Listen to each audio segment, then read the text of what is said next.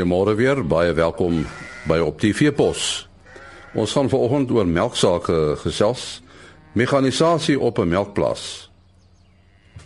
Ons uh, gesels met Philip Blankenberg van die Weskaapse MPO en mede-eienaar van die Klipheuwel boerdery net uh, buite Durbanville. En ons gaan 'n bietjie met hom praat oor mekanisasie op 'n melkplaas. Uh, 'n Mens kan jou amper nie dink dat 'n mens 'n melkplaas het sonder mekanisasie nie, nee Philip. Dis reg nee nee, jy moet jy moet maar al daai al daai bestuurshulpmiddels hê. Nou hoeveel van uh, dit is nou elektronika deesdae? Hoe sê jy? Hoeveel daarvan is elektronika? En nie ehm um, nogal verbasend baie. Ehm um, baie mense is is verbaas as hulle sien met met hoeveel elektronika en rekenaarstelsels ons werk ehm um, deesdae op 'n melkplaas. Kan jy 'n bietjie gesels oor die tegnologie wat in 'n melkstal gebruik word? Ja, nie, ek meen ehm um, deesdae, ek meen dis dis nie vir ek dink vir melkbore is dit seker nie 'n nuwe ding nie, maar vir die vir die publiek is dit nogal ehm um, soos ek sê baie mense is verstom as hulle sien hoeveel hoeveel rekenaarstelsels ons gebruik. Ehm um, spesifiek in die melkstal ehm um, het 'n ou verskriklik baie inligting oor elke individuele koe. Ehm um, wat aanbetref melkproduksie, ehm um, die koe se gewig, die koe se aktiwiteit, met ander woorde wanneer sy op hitte is en wanneer sy moet insemineer word. Ehm um, as ook die die fisiese ontleding van die melk van elke koe soos byvoorbeeld konduktiwiteit ehm um, en ook die vaste stowwe samestelling van elke koe se melk by elke melking, al die inligting het jy op jou rekenaar. Nou, gebruik jy 'n sogenaamde volvoerstelsel? Ja, en nie, ons is op 'n volvoerstelsel. Ehm um, aan daai kant maak ons ook gebruik van van redelike rekenaarprogramme ehm um, wat die wat die rantsoene en die voerwaans ehm um, betref weet wat vir die operateur sê presies hoeveel van wat hy moet laai en ehm um, en dan by watter groepe hy moet hy dit moet aflaai en daai daai spesifieke stelsel ehm um, hou ook rekord van wat die operateur fisies gelaai het. Met ander woorde, as hy as hy 'n fout eers gemaak het, kan jy dit onmiddellik op jou rekenaar optel.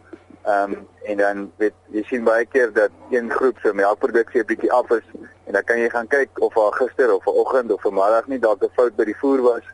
Ehm um, jy sou dan net vasstel waar waar fout gekom het of wat ook al weet, dan kan jy dit gaan regstel.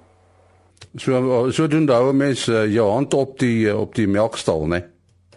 Ja, nee, nee, ehm um, met met ons met ons winsgrense deesdae, wat mense kan dit amper nie winsgrense noem nie, maar ehm um, daar is daar is daar is beslis nie ruimte vir enige foute nie. Ehm um, en en met hierdie stelsels help dit jou om om die goed um, optimaal te bestuur. Ehm um, soos ek sê, want as daar as, as jy 'n paar foute begaan en dit kan jou 'n klomp geld kos en daar is nie daar is nie geld vir foute nie. Ja, jy jy het nou gepraat van die van die voerafdeling, maar nou die die melkdeel, dit is eintlik heeltemal geautomatiseer, né? Nee? Ja, nee, dit is dit is geautomatiseer. Ek meen, ehm um, die die rekenaar meet fisies die ook die die melkvloei. Met ander woorde, hoe vinnig die melk uit die koei uit en as dit sê onder 'n sekere vlak kom, dan word die masjiene outomaties afgehaal ook sodat jy nie koeie oormelk of of of ondermelk nie. Ehm um, dat dat jy elke elke melking tot op dieselfde vlak melk en dat jou jou dit ehm um, skakel bietjie die menslike faktor uit ehm um, en dit maak dat dat jy baie meer ehm um, konsekwent is dat dat alles elke keer dieselfde gebeur en dit is maar ook deel van deel van die sukses as jy ehm um, jou rotines en jou goed ehm um, as as dit dieselfde is elke keer. Nou kan 'n mens al op melkstal vlak uh, meet wat die vaste stowwe is. Ja, ehm um, daar is sekere melkmeters wat wat dit kan doen. Ehm um, ons kan dit nog nie doen nie, maar daar is van die nuwer stalle wat dit wat wat dit al in het, ja. En natuurlik 'n belangrike ding as 'n mens moet die koue ketting behou, né? Ja, nee, dit is ook belangrik om om ehm um, om jou jou temperature en jou goed na melking om jy wil mos nou melk so vinnig as moontlik afkoel sodat jou bakteriese groei ehm um, so min as moontlik is. En ehm um, daarvoor kan jy ook al rekenaars gebruik om om om dit om dit vir jou um, te monitor en en en dan kan jy dit ehm um, so so doen dit dop hou en seker maak alles loop reg daar. Uh die die koeie behuising, dis dis ook belangrik, né? Nee? Ja, ja, dit is dit is ook ehm um, dit is al in die Weskaap seker al die afgelope 12, 14 jaar wat wat koeibehuising ehm um, vlam gevat het hierso en ehm um, dit het 'n baie groot rol in die ek wil sê in die melkbedryf in die Weskaap gespeel ten opsigte van ehm um, van modderstres in die winter as ook hittestres in die somer. En ehm um, dit dit het ons heelwat meer effektief gemaak. Ehm um, ek dink dis een van die goed wat wat eintlik gemaak het dat dat ehm um, dat volvoerkuddes in die Weskaap nog oorleef. Ja, julle het uh, waarskynlik waaiers in die behuising, né? Nee?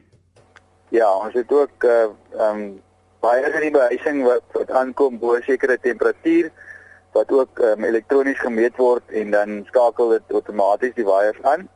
En dan het ons ook ehm um, uh waterspuite wat bo die voerkrib sit wat ook ehm um, met 'n temperatuur sensor werk wat ook outomaties aanskakel ook met uh, weet as dit uh, hier bo 24 25 grade kom dan gaan die waaiers en die en die en die spreiers aan om die koeie af te koel. Uh is dit belangrik uh, om om die die behuising reg te plaas byvoorbeeld noord-suid of oos-wes?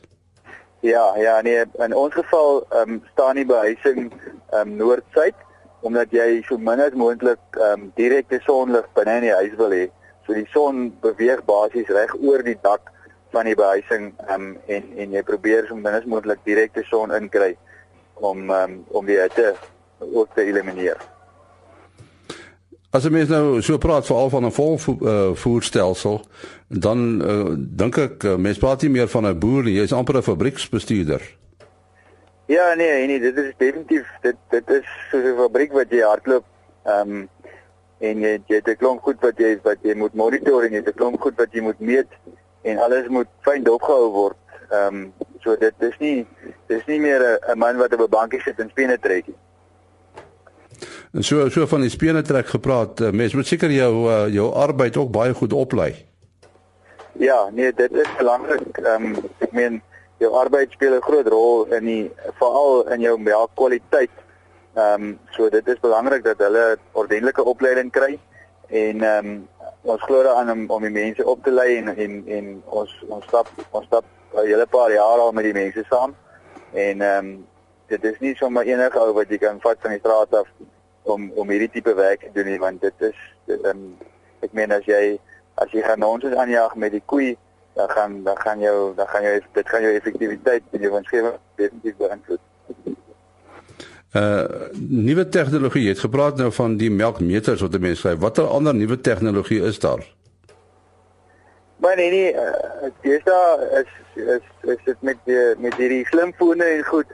Ehm um, is dit nogal handig om om um, met met behulp van 'n slimfoon of 'n of 'n tablet sommer op jou rekenaar in te log van enige plek af op die plaas as jy as jy loop en jy sien 'n koei wat 'n probleem het, dan kan jy gou ingaan op die rekenaar en gaan kyk ehm um, hoeveel melk het sy vanoggend gegee of hoekom lyk sy so of of so dit is dit dit maak net dit die bestuur nog makliker om om om jou om jou inligting by jou te hê heeltyd as jy as jy 'n probleem sien kan jy onmiddellik aandag gee daaraan. Ehm um, so dit is maar dit is dis ander goed wat jy ook kan gebruik. Ja, ons praat dus van rekenaars en uh, elektronika. Uh mense raak nou maar baie afhanklik van rekenaars en veral van elektrisiteit, né? Nee? Ja, ja. Ja, dit is so en elektrisiteit ehm um, raak uh, met volvoerkuddes is dit nie so groot koste soos by soos by besproeiings weet ehm um, soos veidings veidingsplase wat wat wat heeltyd besproei nie. Maar elektrisiteit in ons besigheid het het die laaste jare wat nogal 'n groot koste geraak. En ehm um, ons het ons het uh onlangs uh, so min as 2 maande terug het het ons um, begin sonpanele gebruik om uh, om 'n deel van daai koste te elimineer.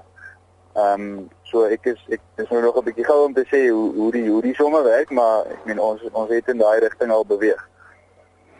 Ja, daar is manne wat uh, selfs metaangas gebruik of wat die mis gebruik om metaangas op te wek, né? Ja, nee, daar is mense wat dit ook gebruik. Ehm um, dit is dit is ook 'n opsie. Um, maar moet mos maar die kapitaal uitleg en die en die terugbetaling en die effektiwiteit daarvan opweeg. En ehm um, ons het ons het maar besluit op die op die sonpanele. Uh jy het waarskynlik 'n roterende melkstal, is dit so? Ja, 'n 60 punt draaitafel. Hoe besluit 'n mens of dit 'n 60 punt of 'n 90 punt gaan wees? Nee, nee, dit gaan maar oor oor ehm um, hoeveel koeie jy beplan om in die toekoms te melk en en en hoe lank hoeveel ure jy wil melk op 'n dag. Ehm um, dit speel maar 'n rol en dan ek ek dink daar is ook 'n 'n goue middeweg, jy weet, as as die goed te groot raak dan dan dan begin dit jy jy spaar tyd tot op 'n punt en en na dit raak dit te groot en en dan dan raak dit ja raak dit stel net duurder en nie meer effektief nie. En en wat melk julle? Is dit maar Holsteins? Ja, ons melk Holsteins. Ja, ja dit is groot beeste, né? Ja, ons gemiddelde gewig op op daai koeie is so ehm um, 780 790 kg. En wat is julle stal gemiddeld? Stel gemiddeld op hierdie stadium is so net oor die 40 liter per koei per dag. Ehm um, en dit maar dit kom gewoonlik nou af hier in die somer met die hittestres en dan in die winter ehm um, gaan hy weer 'n bietjie op. En en uh, hoeveel koeie melk jy per dag? Ons melk dan so 880 koeie. En dan seker 3 maal per dag. Dis 3 maal ja. So moet jy die hele tyd daar wees of jy bestuurders? Nee, ons het twee bestuurders wat ons help in die melkery en so ons ons is maar almal hier rond. En wat is jou toekomsplanne? Het jy enige planne vir 2016? En dit dit hang af van die van die melkbedryf en die melkprys en ehm um, ons ons groei ons kudde elke jaar so bietjie.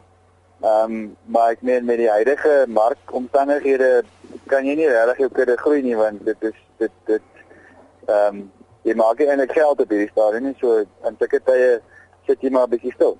En jy daar's nie daar's ook nie kapitaal vir uitbreiding nie. So jy moet jy moet maar jy moet maar jou besigheid bestuur soos soos wat dit is.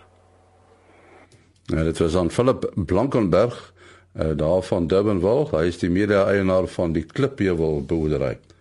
Môreoggend om kwart voor 5 is ons terug. Onthou op die Veepos is 'n program wat elke week se oggend uitgesaai word om kwart voor 5 en hoofsaaklik op die veebedryf gemik is.